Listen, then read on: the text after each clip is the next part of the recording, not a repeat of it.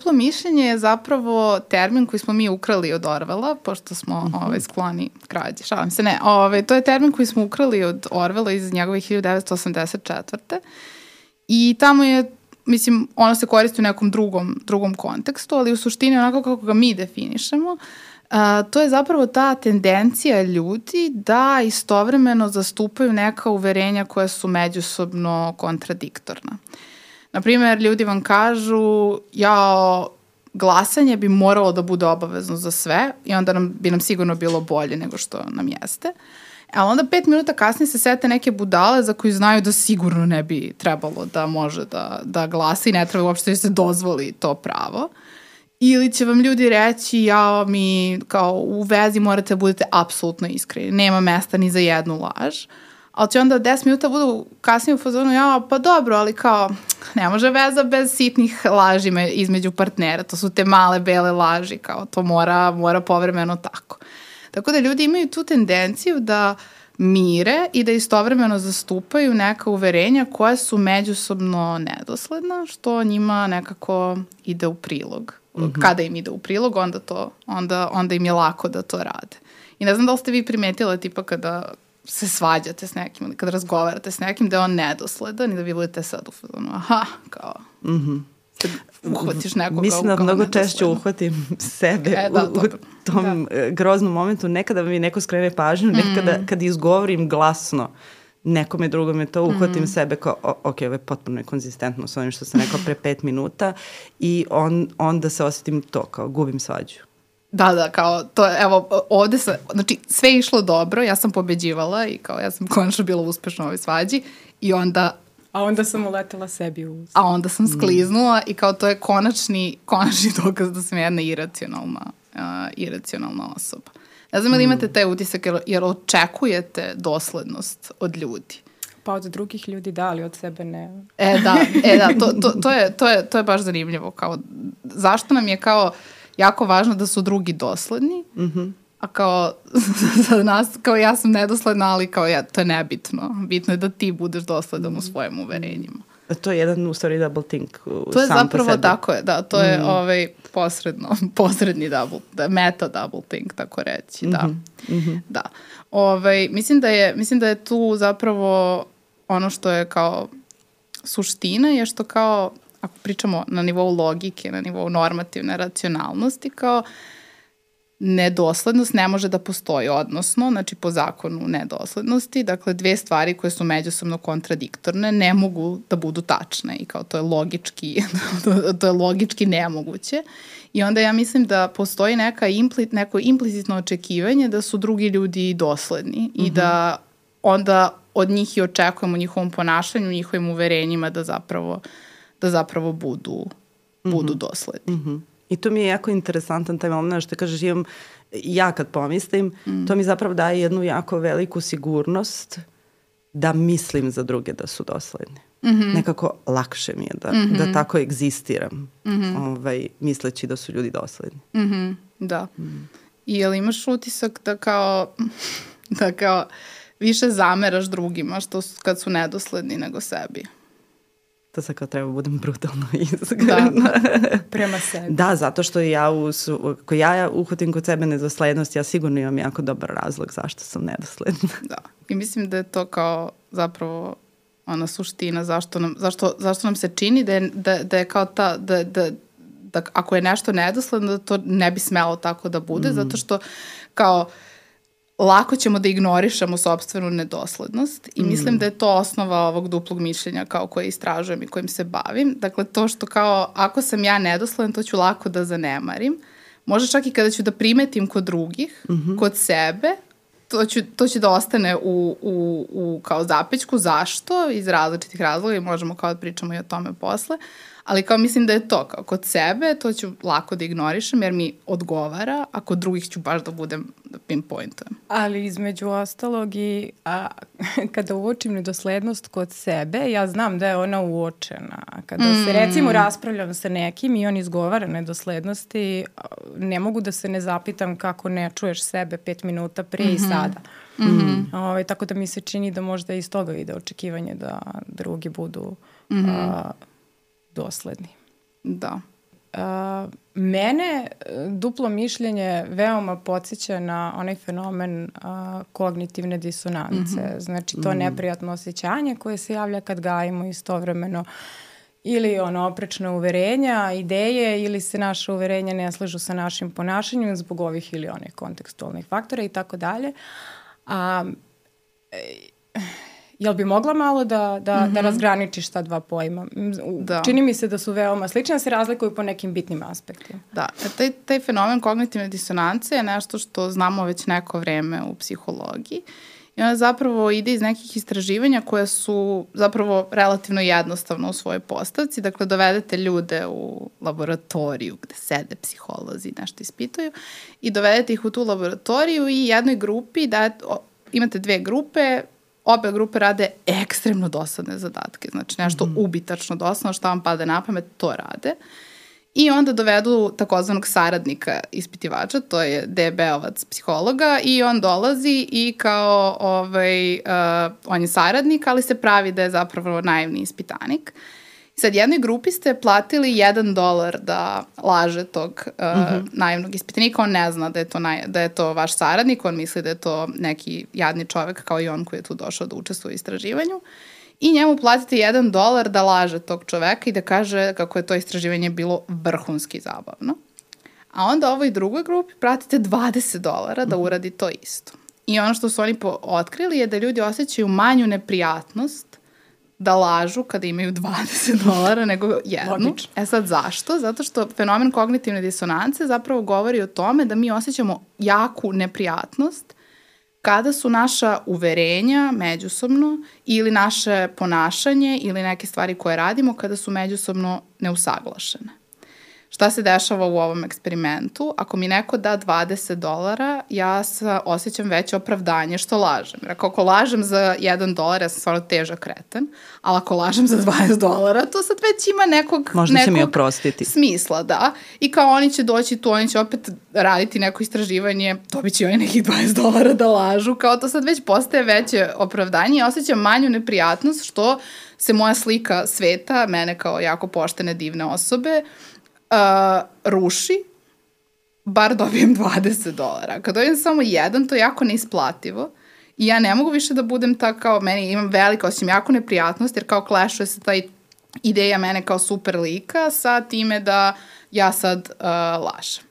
I to je zapravo kao uh, fenomen koji nam je poznat u psihologiji koji se kao istražuje.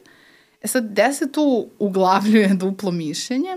Osim što sam ga ja izmislila i ubacila tu, ovaj, zapravo ideja je da ta kognitivna disonanca ne postoji uvek.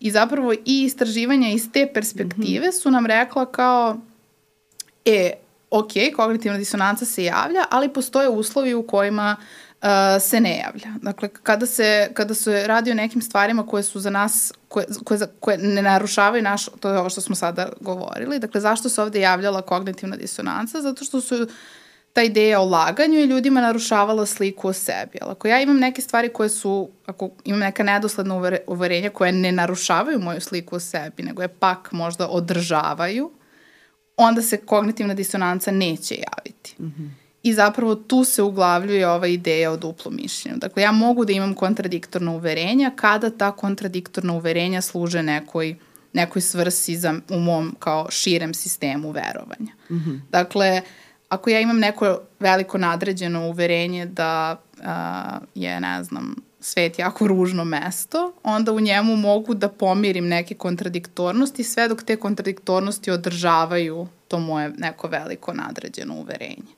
I zapravo to je suština sa kognitivnom disonancom, što se kao... Mm -hmm. Pa znači, mm -hmm. po završetku kognitivne disonance izašla si sa jednim, jedno uverenje Tako je suštinski pobedilo, Tako nešto je. si promenila ili ponašanje ili uverenje, mišljenje o drugoj osobi, bla bla. A u duplom mišljenju zapravo ona tako egzistiraju i mm -hmm. rastu mm -hmm. i žive. Da, upravo, upravo to, kao ishod, da, red. Ne, zato što, to si mi se podsjetilo, u stvari kognitivna disonanca bukvalno zahteva od nas da nešto mhm. promenimo, mm -hmm. a ovde nemamo da. taj zahtev. da, ovde nemamo taj zahtev. I zapravo moja sad istraživanja koje sada radim su se baš ticala time, ok, a zašto nemamo taj zahtev? Kako ja kad mm. tebi kažem, Sandra, ti si ekstremno trenutno kontradiktorna, kako ti nemaš potrebu da to menjaš. I to mi je bilo jako zanimljivo i zaista ljudi nemaju potrebu da to menjaju, nego imaju potrebu da mi objasne zašto su obe te stvari istovremeno tačne. Dakle, kako to izgleda inače, kako, kako ja ispitujem duplo mišljenje, ovaj, mi zapravo ljudima damo listu različitih uverenja i pitamo ih koliko ovo odgovara nekom vašem uverenju. Koliko se vi slažete sa ovim što ovde piše. Naprimjer, koliko se slažete s time da bi glasanje trebalo da bude obavezno za mhm. sve. Mm -hmm. Ali ih onda isto pitamo i koliko se slažete s time da neki ljudi ne bi trebalo da imaju pravo glasa. I onda gledamo da li postoje ljudi koji se slažu sa obe te stvari. I zaista postoje. Mm -hmm. I ja sednem ovako kao što sedim sad preko puta vas i kažem im, e, ok, vi ste bili kod mene, dali ste mi odgovore na neka pitanja. Na dva pitanja ste mi dali ovo, jel vidite neki problem sa ovim? Jel, vi, jel uočavate nešto u ovim stavkama? Neki kažu da ne, uč, ne učavaju ništa problematično, oko čega ja eksplicitno kažem ove dve stvari su kontradiktorne. Neki čak i kažu, pa da, jesu malo, malo su kontradiktorne. I ja onda kažem, ok, ako smo se složili da su kontradiktorne, kako vi verujete u obe? I onda oni ovako stanu, Pa da, ovako deluju kontradiktorno, ali ako, sad ću da vam kažem, dakle, ja, na primer, mislim da glasanje naravno načalno treba da bude obavezno za sve, zato što su ljudi takvi kakvi su, znači ljudi su grozni. Ali kakvo je realno stanje stvari, realno je da neki ne bi trebalo da imaju pravo glasa. I kao nama, načalno nam treba to glasanje treba da bude obavezno za sve, zato što, na primjer, neki ne izlaze na izbore, bla, bla, bla, ali naša kao da je glasanje obavezno za sve, onda ne bi morali da imamo ovo, pošto nije, to je naš normativni okvir, dakle verujemo zajedno svi da ovako treba da bude, treba da bude obavezno za sve, a ovo drugo je realno stanje stvari. I onda ljudi zapravo prave te razlike, dakle dižu nešto na viši nivo, dakle ovo verujem za ceo svet, mm -hmm. a ovo jedno verujem za ovaj konkretan pojedinačni primer. konkretan primer, I onda te dve stvari mogu da mirim, čak i ako prihvatam kao otvoreno da su kontradiktorne. Mm. I moram da kažem da mi to nije mislim, ubede me kao, kao budem, budem, kao, kad ih pitam, ok, ali na nivou kao samog, na, same, kao, sa, same rečenice, da li vidi, kao da, na nivou rečenice, da, ali kao moje uverenja ne moraju biti na nivou rečenice tako, tako dosledna kao što, kao što se čini. Tako mm. da da.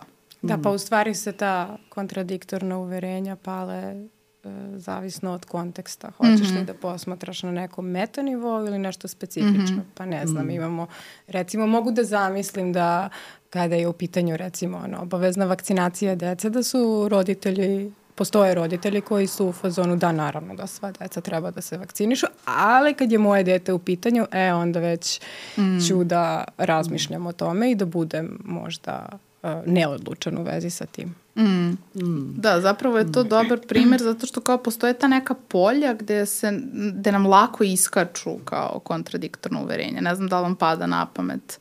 Pa čini mi se da su u pitanju uglavnom stvari koje su nam dosta važne, ono mm -hmm. gde smo involvirani. Mm -hmm. a, kada treba puno da se posvetimo donošenju, mm -hmm. recimo neke odluke, onda bi možda ovaj, onda bismo možda mogli da dođemo do ono velikog broja razloga za i protiv. Mm -hmm. a, koji su ono međusobno isključivi, ali mi ne možemo suštinski da, da, da, da odaberemo jedan ili drugi. Da, i oba su nam ta, kao oba nam imaju smisla i oba važe pa u da. ovom trenutku, da. Mm, da, mm. to je i moj utisak. Pa da mi napame da, da te pitamo, kad si objašnjavala da neki određeni ljudi, da baš izvučeš određene ispitanike mm -hmm. koji su na dve kontradiktorne stvari dali jedan veliki procenat, pa mi onda to pada na pamet da li u stvari i onda dalje ispitaš ko su ti ljudi koji izaberu tu veliku kontradiktornost, odnosno da li postoje ljudi koji su skloni da budu da. kontradiktorni. Da. Ovaj, ovo je sada ponovo idealna prilika da uvedemo pojam normalne raspodele, da mi svi kao ne, ali kao šta je ideja? Ideja je da zapravo velika većina naših osobina se raspodeljuje tako da se većina ljudi nalazi negde na sredini. Nekoj, mm. na, ne, većina ljudi je na, na, na većini osobina umerena. A onda imamo neki mali broj ljudi koji je ili jako nizak na toj osobini, odnosno nije sklon jako tome i imamo neki mali broj ljudi, podjednako mali kao i ovih što, a, što imaju u, ovaj, a, tu osobinu nisko prisutnu, koji su jako skloni tome. I zapravo moje, moje viđenje i du, duplog mišljenja da je takvo. Dakle, većina nas je tu negde umerena. Postoje oni koji uopšte nisu skloni, verovatno, samo mnogo ređe nego oni koji su uh, umereno skloni i postoje oni koji su ekstremno skloni, koji, mm. i to sam kao zaticala i u svojim upitnicima i kao svoj, ovim intervjuima koji imaju doslovno svaki kontradiktorni koji sam ja smislila, da, koji sam ja pomislila da bi mogao da bude, oni ga, oni ga mm. imaju. Tako da zapravo kao svi smo skloni donekle i mislim da je to važno kao da, da kao da, da, da kažemo kao dakle i ja sam sklona kao mm. kontradiktornostima verovatno više nego mnogo drugih ljudi i kao to je nešto čemu smo svi čemu smo svi skloni uh, samo neko manje ili neko mm. više mm. i to ne mora nužno da bude ni problematično ali bi moglo da bude iz nekih, uh, u, nekim, u nekim poljima. I zapravo ono što kao, ne, nije, mislim da je važno da ljudi znaju da nije strašno ako ste kontradiktorni. Mm. Kao dobro je prepoznati kod sebe kao je ja sam, uf, stani sad da. malo. Da. I mislim da je dobro čak i na nivou toga da kao ako na kraju dođe do toga da se tebi iskristališu neka tvoja uverenja. Čak i ako dođeš do toga da kao imam dva kontradiktorna uverenja, ali ih pomirim na kraju i dalje važe oba, ali sam nešto sam malo preradio, malo sam se zapitao svojim, ne držim se ono grčevito svojih, uh, svojih uverenja. Mm. Tako da mislim da je to važan input, kao da jesmo nedosledni, ali to nije strašno mm. i okej okay, da priznamo da smo nedosledni i da probamo da objasnimo mm. i sebi i drugima otkud mm. ta nedoslednost. Mislim da to nije loše. Pošto si ovaj, se autovala da si mm -hmm. da. u onih Absolutno. 5% Absolutno. koji su vrlo skloni uh, double tinku, mm. uh, onda me to u stvari navodi da razmišljam o tome što si, jer je to bio razlog zašto si izabrala ovo kao svoj pravac istraživanja. Šta je tebe odvuklo da o tome da, istražuješ? Da, zapravo ovo što je Sandra na početku rekla je dosta dobro opisuje zašto sam ja ovaj, odabrala to. Ja sam osetljiva jako na kontradiktornosti drugih ljudi. Znači, bilo ti je, nepri, bilo da. ti je neprijatno bilo mi je i neprijatno, da istražiš Tako to. je, tako. Pošto često i to, o, o tome smo isto, to je Sandra malo ispomenula, dakle, deluje da kao ta uverenja isplivavaju u kao nekim stvarima koje su nam jako važne. I, na primjer, to jedno polje gde ja zapažam dosta kontradiktornih uverenja su politička uverenja. Mm -hmm. I ja sam jako sklona raspravama na nivou političkih uh, uverenja.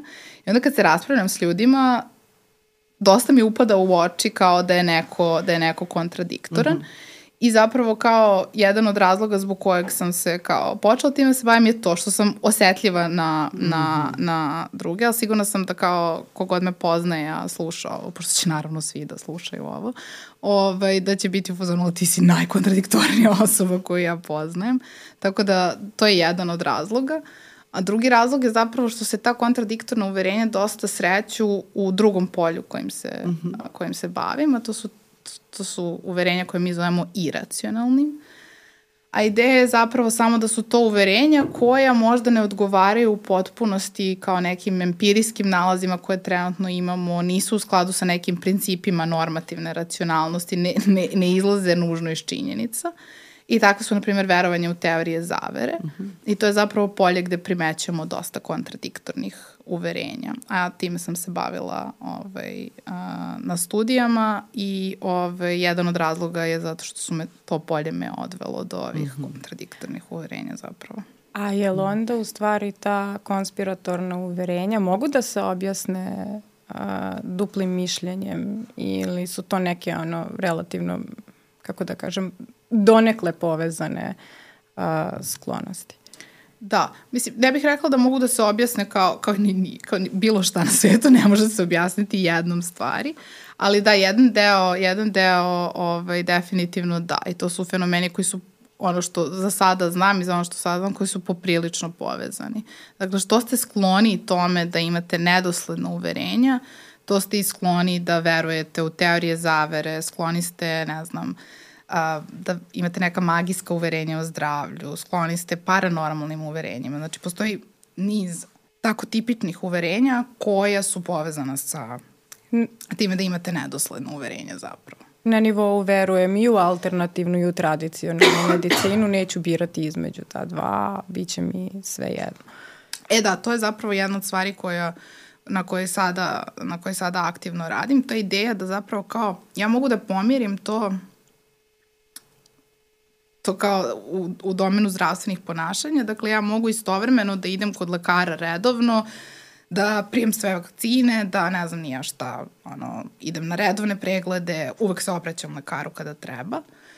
Ali, ali onda isto tako mogu da idem kod homeopate, mm. mogu da ne znam, pravim meleme, daj mi svega, apsolutno sve može, sve mi odgovara i uopšte ne vidim neku, neki clash između toga. I to takođe bi možda moglo da bude posledica toga što ja mogu vrlo lako da pomirim neka nedosledna, nedosledna uverenja zapravo.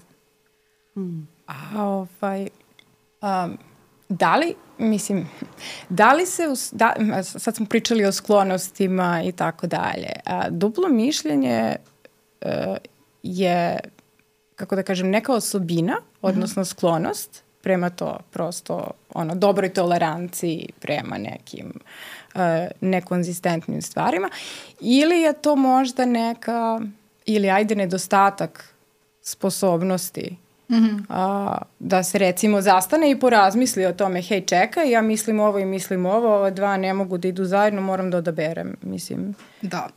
Ove, ovaj, mislim, ja sam sklonija ove, ovaj, tome da to tretiram kao neku vrstu tolerancije koja je ide iz nekog, to, iz, iz te neke potrebe da nešto drugo sebi, uh, sebi olakšam, objasnim, opravdam i slično. I zapravo moje istraživanje donekle to i govore. Dakle, mi kada, kada ispitujemo to, ne nalazimo da, da postoji bilo kakva vrsta nedostatka sposobnosti da, da ljudi mi nalazimo neke povezanosti, ali ne mogu da kažem da to u potpunosti objašnjava fenomen. Tako da je verovatno da, da postoji neka izvesna, da, da, da zapravo to kada mi nađemo, na primer, ja ljudima dajem da pročitaju neki tekst i pitam ih onda koliko ste uočili, tekst koji je pun kontradiktornosti, onda ih pitam a koliko ste vi zapravo uočili kontradiktornosti i da ja nalazim neku povezanost sa time koliko ljudi imaju nedoslednih uverenja. Ali to može da bude i posljedica toga da su ti ljudi prosto tolerantni na, na, na kontradiktornosti. Ono što definitivno ne nalazimo je da znači, ne postoji nikakva vrsta nekog kognitivnog nedostatka ili nekih slabih kognitivnih sposobnosti kod, uh, kod ljudi koji su skloni nedoslednim uverenjima. Dakle, ti ljudi nisu manje pametni. Mm. Da. To je zapravo samo jedan pristup mišljenju, koja, jedna prečica zapravo u mišljenju koja nam nešto drugo olakšava i zašto je pribegavamo. Dakle, zašto, je, zašto imamo nedosledno uverenje? Zato što eto, jedno to uverenje nam znači u ovom trenutku, kao što si ti rekla, kao upalit će se u ovom kontekstu, ovo će se upali u ovom kontekstu i onda zapravo nije ni kao imamo kao tu prečicu koju pribegavamo, ali kao ti ljudi nisu manje pametni. To, to kao potvrđen nalaz, dakle ne postoji nikakva kao ko korelacija između toga. Dakle, mm. to nisu manje pametni prosto. Mm. Tako da, da. I tu se spomenula jednu stvar koja mi je jako interesantna, ali o tome razmišljam sada sve vrijeme. Mm -hmm. Kad kažeš da smo svi tome skloni i da je to u redu, mm -hmm. kao prihvatiti e, svoju nedoslednost i, i, i tu sklonost ka double tinku, um, sve što postoji, što nam se zadržalo, jel tako, u, u našem ponašanju, mišljenju i tako dalje, trebalo bi da ima svoju funkciju. Mm. Si razmišljala šta je funkcija uh, te naše tolerancije ka nedo, nedoslednom razmišljanju. Mm -hmm. Da, to je... Ovaj... Šta dobijamo? Da. Zato što smo skloni tome. Da, ovaj, ono što se meni čini je da ja kao duplo mišljenju pristupam iz te malo negativnije stvari kao i svemu mm. u životu pristupam jako, jako negativno. ovaj, I da se onda bavim tim malo kao, to je kao malo loši način obrade informacija ili neki tako mm. prečica kojem se ne isplati pa onda vodi u teorije zavere i slično. Ali kao u domenu kao ovaj, psihologije postoje još uh, sličnih uh, termina koji zapravo uh, ne gledaju tako negativno na tu, na tu, na tu pojavu kao kontradiktornih uverenja i zapravo postoji taj pojam koji se zove kognitivna polifazija koja mm -hmm. zapravo dosta se ispituje u nekim kulturama koje nisu zapadnjačke kulture i kao, ovaj, i koji zapravo govori o tome da ljudi mogu da imaju vrlo različite predstave o svetu koje onda mire i koje im zapravo i pomažu da zapravo za, sagledaju uh, svet iz različitih perspektiva. Mm. I zapravo u tom polju ima dosta tih nalaza o, o tome da kao ljudi mire, na primer, shvatanje, ne znam, ono, tradicionalne kineske medicine sa ono, uh, ovim, ko, sa konvencionalnom medicinom. I kao u jednu sliku sveta koja je sveobuhvatna i koja nije tako isključiva kao što je naša. Mm -hmm i kao da, da je zapravo za njih to jako korisno u smislu kako posmatraju svoje zdravlje, kako se brinu o svom zdravlju, kako, kako pristupaju ovaj, a, ne znam, zdravlju svoje dece i slično. I da zapravo ono što to radi je da ljudima olakšava da tako pomire neke stvari. Naprimjer, ako, sam, ako treba da vakcinišem svoje dete, uh, iza toga se, mislim kao ljudi koji biraju da se ne vakcinišu ili da ne vakcinišu svoju decu, ne rade to zato što su poremećeni, nego zato što kao iza toga postoji neki strah, postoji neka realna briga, postoji nešto što kao na zaista muči i što kao nama je naše dete najvažnije, ho, nećemo da, da ga nekako ugrozimo, jel da? E onda u tom smislu, ako sada uvedemo neka nova znanja, mi možemo sebi da kao svet ovaj, objasnimo i opojimo neki drugi način i da opravdamo mm. neke svoje uh, i strahove koje imamo i slično. I mislim da je to neka funkcija, kao te mogućnosti da kao miriš kontradiktornosti kada, kada ti to treba mm. ili kada ti je korisno. Olakšava život. Da, mm. mislim da da. Pa redukuješ neku neizvestnost da. možda. Da. Živiš mm. u, u, u pravednom, uređenom svetu u kome ono, možeš da pomiriš sporadične mm -hmm. loše događaje i da ih inkorporiraš u svoju mrežu uverenja da je svet mm -hmm. bezbedno mesto. Mm. Da. Mm. Mislim da generalno u svetu postoji kao mnogo, kao stalno imamo neke kao nedoslednosti, kao to je bilo baš prisutno tokom pandemije. Mm. Čekao, bio je ogroman influks informacija. Konstantno ste zasu, zasuti informacijama i danas informacija koje dobijete će možda budu u potpune suprotnosti sa onima koje ste dobili juče. Jer kao je, to, to, mi smo kao prvi put tu, mislim kao direktno osetili kako radi nauka, u smislu kao, evo ja nečega o čemu ne znamo mm. apsolutno ništa i kao danas smo saznali ovo, ali već sutra zato što smo kao intenzivno radili na kao istraživanju i ulagali smo velike količine novca u to istraživanje, već sutra smo mogli da znamo nešto što ipak je malo u klešu s ovim što smo znali mm. juče. I ti kao osoba moraš da budeš spremni da pomiriš to. Kao, e, danas je bilo ovo, mm -hmm. sutra je nešto drugo, preko sutra je nešto treće. I to je sve jako ludo, ali kao ja mogu da mirim, kao ja, meni ne treba toliko, mislim kao naša stvarnost nije toliko strukturisana. I onda je bitno da budemo i malo tolerantni na njenu nestrukturisanost. Tako da mhm. mislim da je i to jedan od razloga zašto nam je kao duplo mišljenje, zašto mm. nam je korisno. Mm. Mm. Ali... Uh -huh. Izvini, ako želiš da kažeš. Nego mi sad pa, uh, u stvari pada na pamet um, da li uh, sklonost ka uh, double thinku i tom duplom mišljenju uh, će se češće naći na teme o kojima ne znamo mnogo. Baš sad kako si nekako spomenula ovo što e, šta mi pada na pamet e, kad su se vakcine pojavile, mnogi ljudi su sada imali taj moment kao to što kažemo, bili su vakcinisani do sada, primali su vakcine i sve ok, ali neću ovo i ona nije dovoljno istražena i onda se pojavi uh, neko ko je u tome stručan i objasniti da, ali vidiš i ove vakcine ranije koje si primio zapravo su nestabilnije i možda čak i manje istražene nego ove koje sada dolaze. Mm. I onda se tu ljudi nađu kao, um, kao da. ovaj momentu. Da li onda double think proističe iz toga kad o nekoj temi zapravo ne znamo dovoljno? Mm -hmm. Da, mislim da, mislim da postoji i da postoji i taj aspekt, mada s druge strane ono što mi sad pada na pamet je da ako govorimo o duplom mišljenju kao toleranciji nedoslednosti, mm. mislim da je ako ste ekspert u nekoj oblasti, mm -hmm.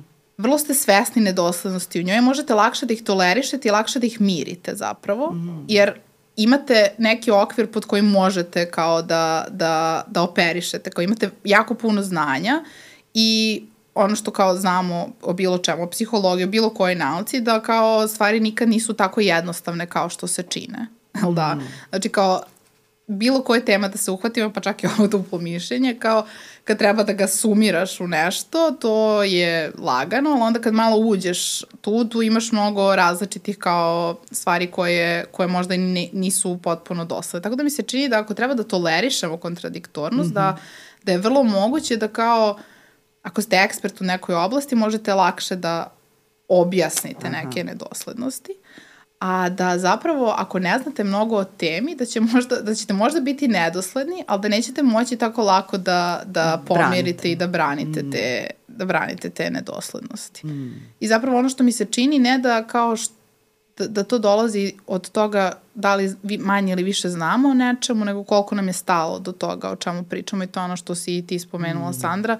Dakle, ako mi je jako stalo do nekog uverenja, onda ću da ga branim, nezavisno od toga što mi je to uverenje u nedoslednosti sa ovim, onda ću da upadam u još veću nedoslednost, jer je to kao beskonačan lup nedoslednosti, ono, duplo mišljenje all the way down, mm -hmm. ali kao, ako nam je jako stalo do nečega, onda ću lako da ga branim i kao u tim oblastima se zapravo i javlja, javljaju, čini mi se, više nedoslednosti mm. nego u nekim, nekim drugim.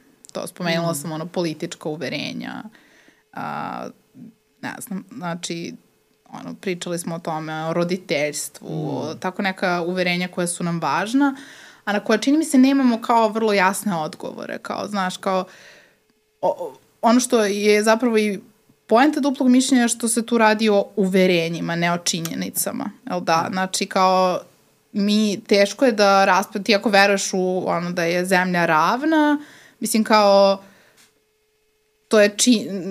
To, to, možemo mi da debatujemo o tome, ali ti debatuješ o činjenicama. Ako mm. ja verujem da društvo treba da bude uređeno na određeni način, mi suštinski, mislim, ako mene pita, imamo tačan odgovor, ali kao realno nemamo tačan odgovor.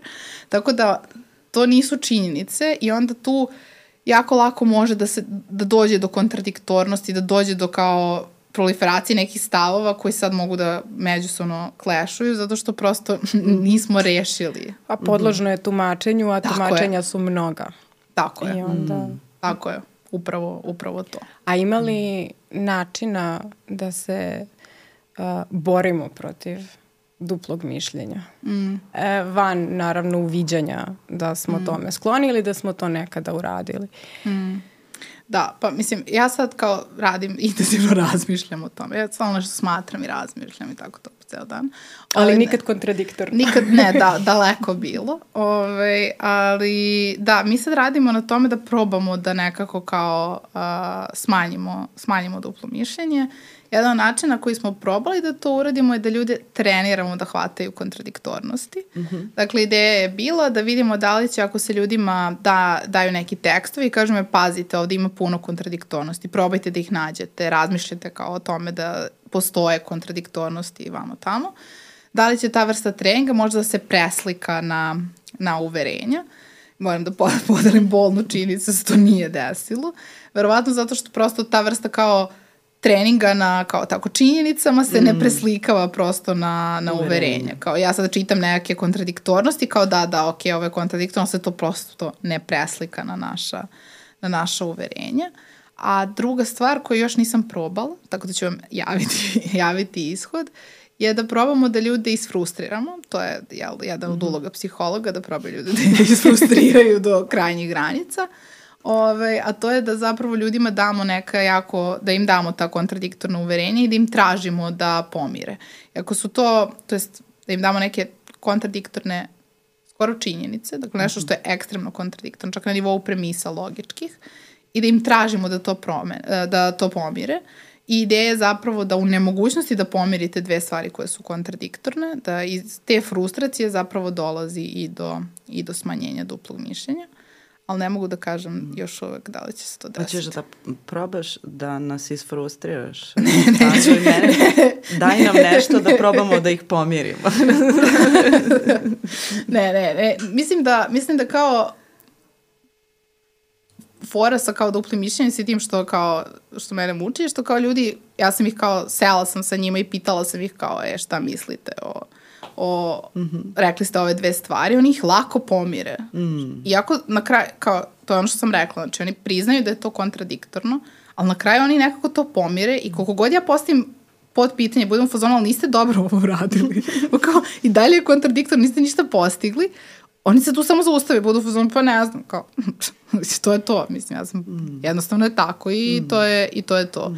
Tako da mislim da kad imate kao uverenje da je to mnogo teže mm. i zapravo moje sve je ono kao da idem na to da probam da preko toga da uviđenje da činjenice ne mogu da budu ovakve, da zapravo svoje uverenja, mislim, ne tretiraju kao činjenice, to bi bilo baš opasno da neki ljudi tretiraju svoje uverenja kao činjenice, ali da zapravo razmatraju svoje uverenja kao što razmatraju kao što razmatraju činjenice. činjenice. Da.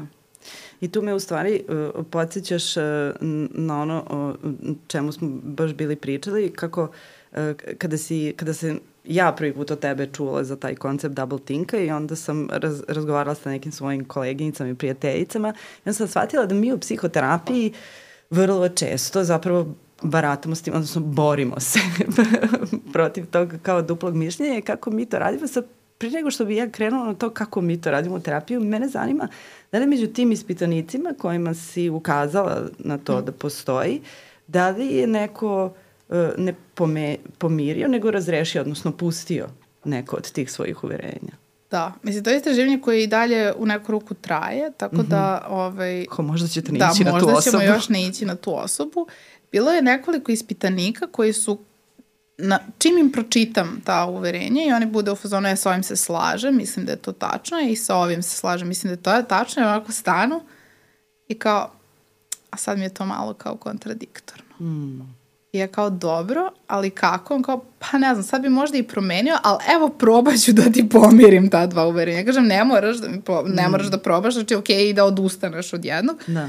Ja kao, ne, ne, ne, ali mogu oba da budu tačna, sad ću ti kažem kako i onda ide u ovo kao. Dakle, mm. ljudi budu kao na, na tom kao inicijalnom kao, da. e da, ovo jeste, ali kao ajde odemo korak dalje, ipak ja mogu, mogu ja ovo da rešim, nisam mm. kao, nisam ja kao nedosledan, mm.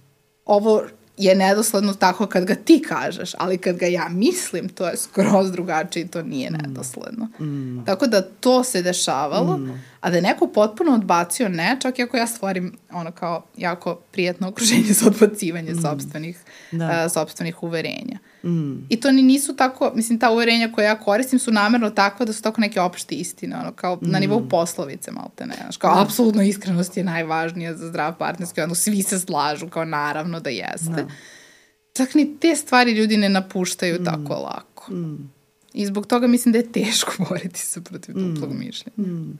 I baš ti hvala na ovom momentu što si rekla, čak i ako ja stvorim tu jednu finu i prijatnu sredinu i dam im ono kao, bukvalno ja čak ono što čujem da ti kažeš da im ti daš dozvolu mm jednu da promene ono kao da odbace neko uverenje ili da ga modifikuju ili da ga promene. Ove, mislim da je to negde ključno. Mi u psihoterapiji kada pokušamo da radimo i da promenimo ljudima njihove iracionalne uverenja koje kao proizvod imaju to da se osjećaju frustrirani u životu, da im neke stvari ne idu, da se osjećaju neprijatno, od čega mm. kreće, jel te, sve nas prvo mora nešto na žulja, pa onda krenemo ili u nauku ili na psihoterapiju. ovaj, um, šta, šta mi u stvari tu negde radimo? Prvo stvorimo taj odnos poverenja i baš nekako mislim da uh, moraju ljudi da nam jako veruju i da se osjećaju ok i bezbedno i sigurno da promene to svoje mhm. uverenje. Mm -hmm. Ovaj, e, imamo čak jedan metod koji koristimo u, u kognitivno-bihvalnim e, pravcima, psihoterapiji, mislim, pozemlju ga i, i drugi pravci, e, da mi u stvari tražimo, znači dođemo do tog iracionalnog uverenja ili iracionalne misli i ovaj, pitamo ih procentualno koliko veruju u to. I onda ja obično to slikovito prikažem ovako, ja kažem, ok, sad kada bi ovo vaše uverenje ili iracionalno mišljenje stavili, kada bi to otišlo na sud i sad vi imate ono advokata, odbrane i ovaj, tužioca, um, i pred porotom iznose znači da li brane ili ovaj, pokušavaju da sruše tu misao ili uverenje, šta bi oni iznali kao dokazi da je to vaše uverenje tačno. I ovaj, vrlo lako ljudi vrlo brzo dođu sa tim spiskom, e, ovaj, moje uverenje je tačno zbog toga, toga, toga, toga, toga, toga. To znaju, puno puta su u sebi to ponavljali i tako nekako izgradili to uverenje. I onda se malo, i onda malo zastanu kad idemo kao, ok, ajde protiv. Mm. I ovaj, tu im da pomognemo, jer mi, na primjer, znajući njihovu priču i slušajući njih, budemo, ne znam, ajde da kažemo da kreću od uverenja, ja sam u svemu neuspešna, kao pa dobro, evo, kao, ali završili ste fakultet, da završetak fakulteta ne bi možda mogo da se računa kao neki uspeh u životu, pa onda obično stanu, pa razmisle, pa kao, pa dobro, ajde, može. Ja kažem, a možemo to da stavimo na spisak, možemo. I onda ih tako nekako pokrenemo i uspo da izvuku um, onda te dokaze protiv i onda kao što, i onda budemo uzmano, ok, a šta sad radimo s ovim uverenjem mm -hmm. koje ima to svoje i za i protiv i probamo u stvari da dođemo do nečega što je bliže realnosti. Mm -hmm. I to bliže realnosti bi bilo kao da ja često imam osjećaj doživlje neuspeha, mm -hmm. ali postoje neke određene stvari i neke oblasti u kojima umem da budem veoma uspešna. I to je onda jedna rečenica s kojom ih opet onda i pitamo koliko procentalno verujete u tu rečenicu i super je kada dosta veruju to. I obično je onda i emocije koje su povezane sa jednom takvom misli su potpuno drugačije od ove koje vuče to neko iracionalno uverenje mm -hmm. ili misao. Mm -hmm. Tako da to je nekako nešto što mi... I onda kada si ti spomenula double think, ja sam bila u fazonu kao da, mi u psihoterapiji baš ovaj, se susrećemo sa ovim često, ali mislim da je ljudima potrebno baš onako jedno sigurno ovaj, okruženje, da dozvole sebi da promene svoje uverenje. Da. Mm. Ovo je zapravo super što si sad spomenula, mislim, osim toga što dokazuje da je duplo mišljenje najrelevantniji uh, najfenomen za ispitivanje na svetu. Ovaj, zato što mi se čini da je zapravo jedan od razloga zbog kojeg to opstaje, zato što nam je jako teško da za svoje uverenje dođemo do ovog protiv, jel da? Onda ne bi bilo mm. naše uverenje, jel da? I da zapravo onda u ovakvom okruženju gde sam potpomognuta da mislim protiv svojih uverenja, se zapravo dešava ta neka, dešava se ta neka promena uverenja koja se možda ne dešava uh, inače i zbog čega se javlja zapravo duplo mišljenje, jel da? Mm. Jer kao evo konačno ne, ko, mene neko mora da natera da razmislim zašto moje neko uverenje nije tačno, jer kao zašto mm. bi to radilo, bože, kad sam ja sigurno u pravu. Mm. Ove, ovaj, tako da mi se čini da zapravo je to kao mora, moramo da budemo podstaknuti da menjamo uverenja. Mm. I to je zapravo kao i šire, šire pitanje toga kao zašto, zašto da se držimo slepo nekih uverenja, da? I to kao postoji kao fenomen kao ljudi koji ne menjaju svoje uverenja u skladu sa novim dokazima i zašto se tako grčevito držimo nekih svojih uverenja. Mm. Izgleda da nam treba baš ozbiljan podsticaj mm. da, da, mm. da to razmatramo. Mm. I opet kažem, u redu je čak i ako na kraju budemo u fazonu, ja sam baš bila u pravu, kao. Ja sam kao, evo, preradila sam ovo uverenje detaljno i ja sam jako u pravu i dalje, ali kao dobro je s vremena na vreme, kao, malo ček, ja sam nedosledna osoba, mm. izgleda da malo jesam, a što i mm. kako i da li mogu da budem manje nedosledna.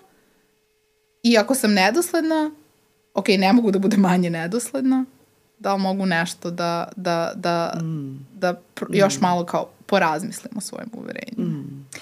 Da, sad kad si spomenula ovaj, ove teme, nekako mi je palo na pamet, da li bi smo mogli da kažemo da je recimo neka ekstremna rigidnost suprotan pol mm. a, na toj recimo dimenziji double thinga. Ka kao a, a, prepostavljam da osim što možemo da ono, gajimo i da, da održavamo dva konkurentna uverenja, isto tako verovatno možemo da budemo zaglavljeni u jednom. Uprko s dokazima mm. da ono možda nije mm. uh, ispravno, ali da ga se slepo držimo. Mm. Dok nam ponovo neko ne obezbedi kontekst u kome će recimo eto, ovaj, da nam olakša da uh, sagledamo i neke druge činjenice. I sad uh, razmišljamo o tome u kontekstu toga šta je adaptibilnije. Mislim, mm -hmm. mm. da li je bolje da možeš da kao prihvatiš uh, nedoslednost i da se sa time nosiš ili, ili, ili je kao uh, uh, bolja ta beskrajna potreba za nekom strukturom i stavljanjem stvari u posebne kutije.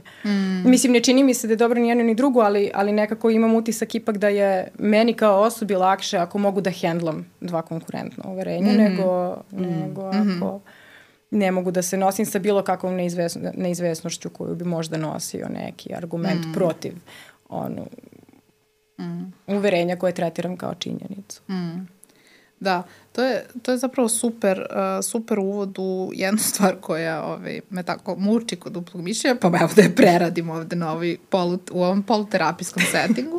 ovaj, čini mi se da je kao jedan paradoks duplog mišljenja, mi taj konstrukt često nazivamo razbarušenim stilom mišljenja mm -hmm. ili kao stilom mišljenja visoke entropije. Kao zašto? Zato što tu sve može. Kao, evo, znači kao može ovo uverenje, može ovo uverenje. One su kontradiktori, who cares, može, daj mi svega. Ove, ovaj, tako da, s te jedne strane, kao to postoji. I čini mi se da je tu zapravo taj nivo razbarušenosti postoji na nivou onda kada usvajamo uverenja. Dakle, kad treba da usvojim neko uverenje, ja prihvatam ta neka uverenja koje mi dolaze, možda zato što mi dolaze od nekoga ko me verujem, ko je autoritet, pa ih onda tako usvajam i to me zapravo uh, podsjeća na to gde još srećemo duplo mišljenje. Srećemo ga dosta kod nekih predrasuda o mm. različitim grupama. I zapravo zašto? Zato što, na primer, ako imate predrasude, ne znamo, migrantima, Dakle, tu istovremeno možete da verujete, ono, migranti su lenji, žive od socijalne pomoći, došli su ovde da žive na grbači naše uh, države koja im sve pruža.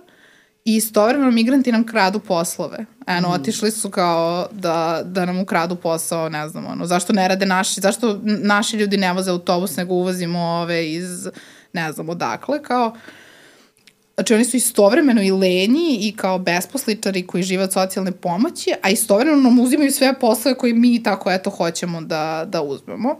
I čini mi se da je to zato što ta, ta neka uverenja dolaze od nekih autoriteta koji nam to tako hrane, kojima mi verujemo, odgovaraju našem kao pogledu na svet i onda ih tako slepo usvojamo bez mnogo čekiranja da li su ona međusobno u, u klešu. Uh, Tako da, s te strane, čini mi se da je duplo mišljenje to što ti kažeš, kao mogu da hendlam istovremeno i ovo i ono. Ali onda mi se čini da kada sada u svom sistemu uverenja postoji postoje te dve stvari, to ono što si ti u jednom trenutku isto spomenula, to je kao ja ne mogu da iritira me ta neizvesnost kao i onda kao ajde ipak da uzmem kao oba, što sad kao paradoksalno implicira i neku vrstu rigidnosti.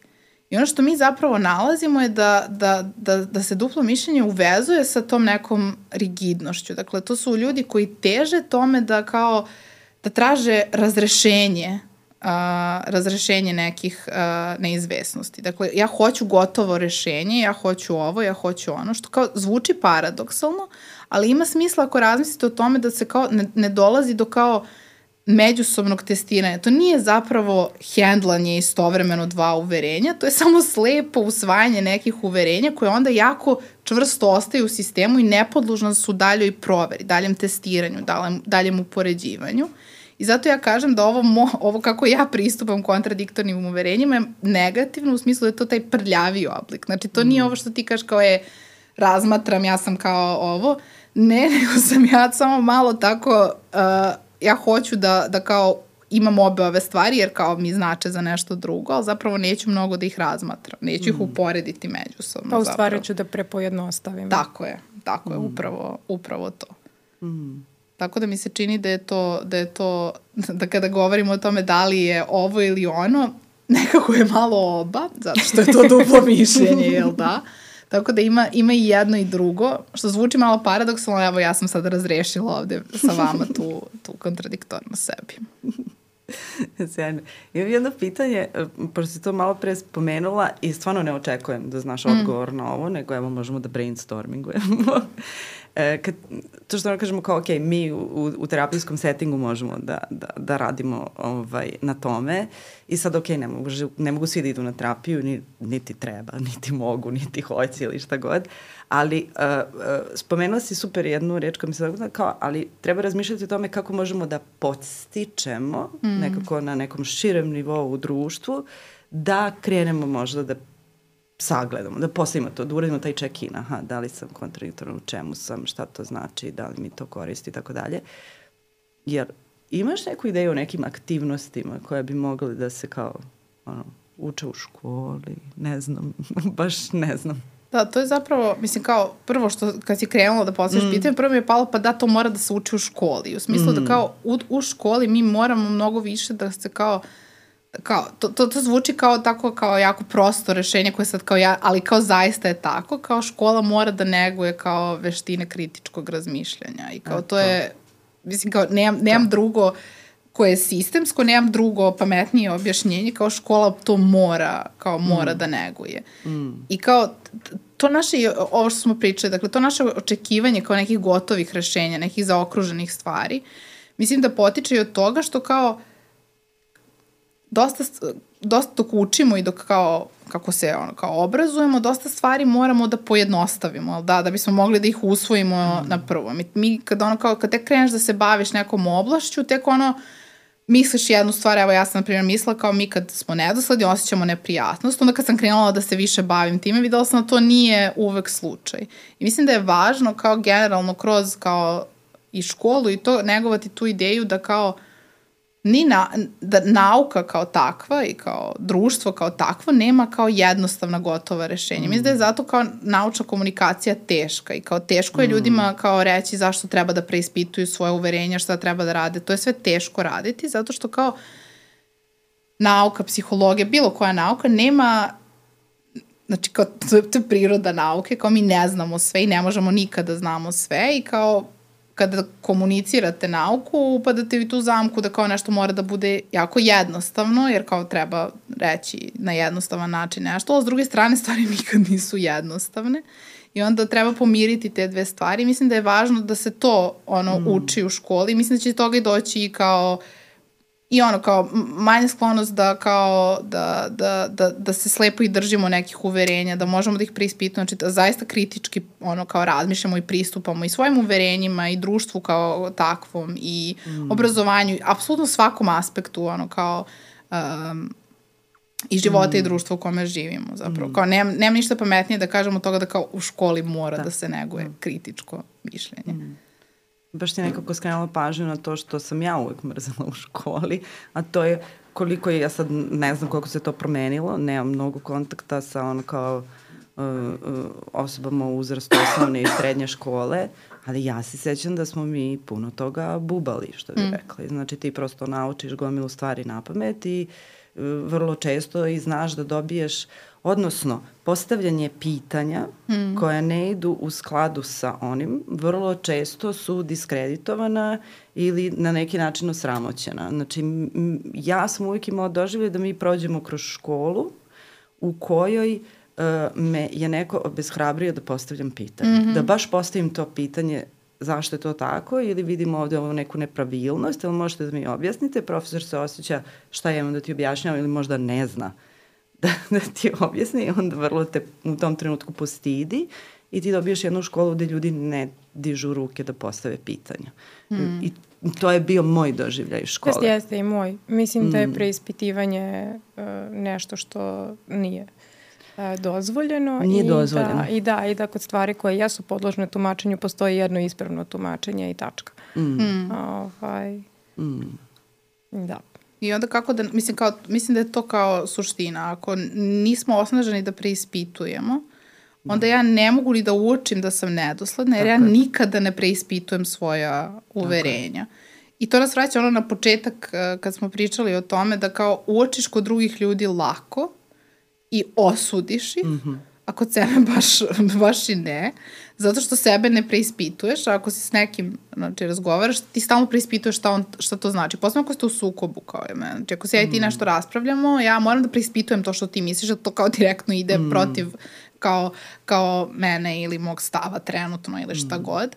Ove, ovaj, I mislim da je kao ideja ta da kao ne osnažujemo preispitivanje, tako je problematična i ono što mi se čini je da kao i sa duplim mišljenjem sa raznim drugim problematičnim uverenjima koje imamo je to da kao moramo da negujemo više mm. kao kritičko razmišljanje, mm. kritički pristup razmišljanja. Okay. I dosta puta si ispomenula svađu kao mm. nešto što se desi, konflikt, mm. kada se držimo tako tih nekih svojih uverenja. Konfliktna osoba, ja. ovaj, da onda zapravo pored tog kritičkog mišljenja uvodimo i baš te neke veštine razrešavanja konflikta.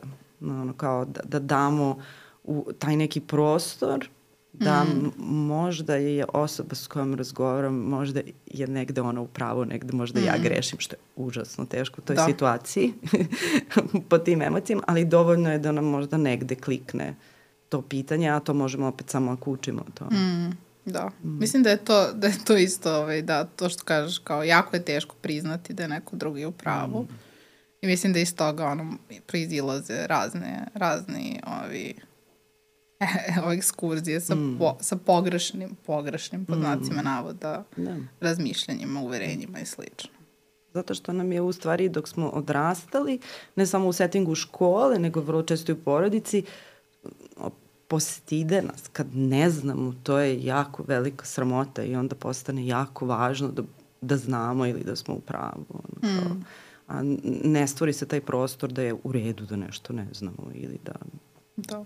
Ne, ili da promenimo svoje mišljenje. Da.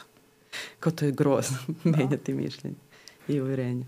Pa da, ili je u redu praviti se da znaš mm. tako što ćeš da držiš mm. u sebi tako je. Uh, neizvesnost u vezi sa time šta je od ta dva ispravno jer ne smeš da pitaš zato što mm. uh, će to da najde na osudu i ono, mm. shaming.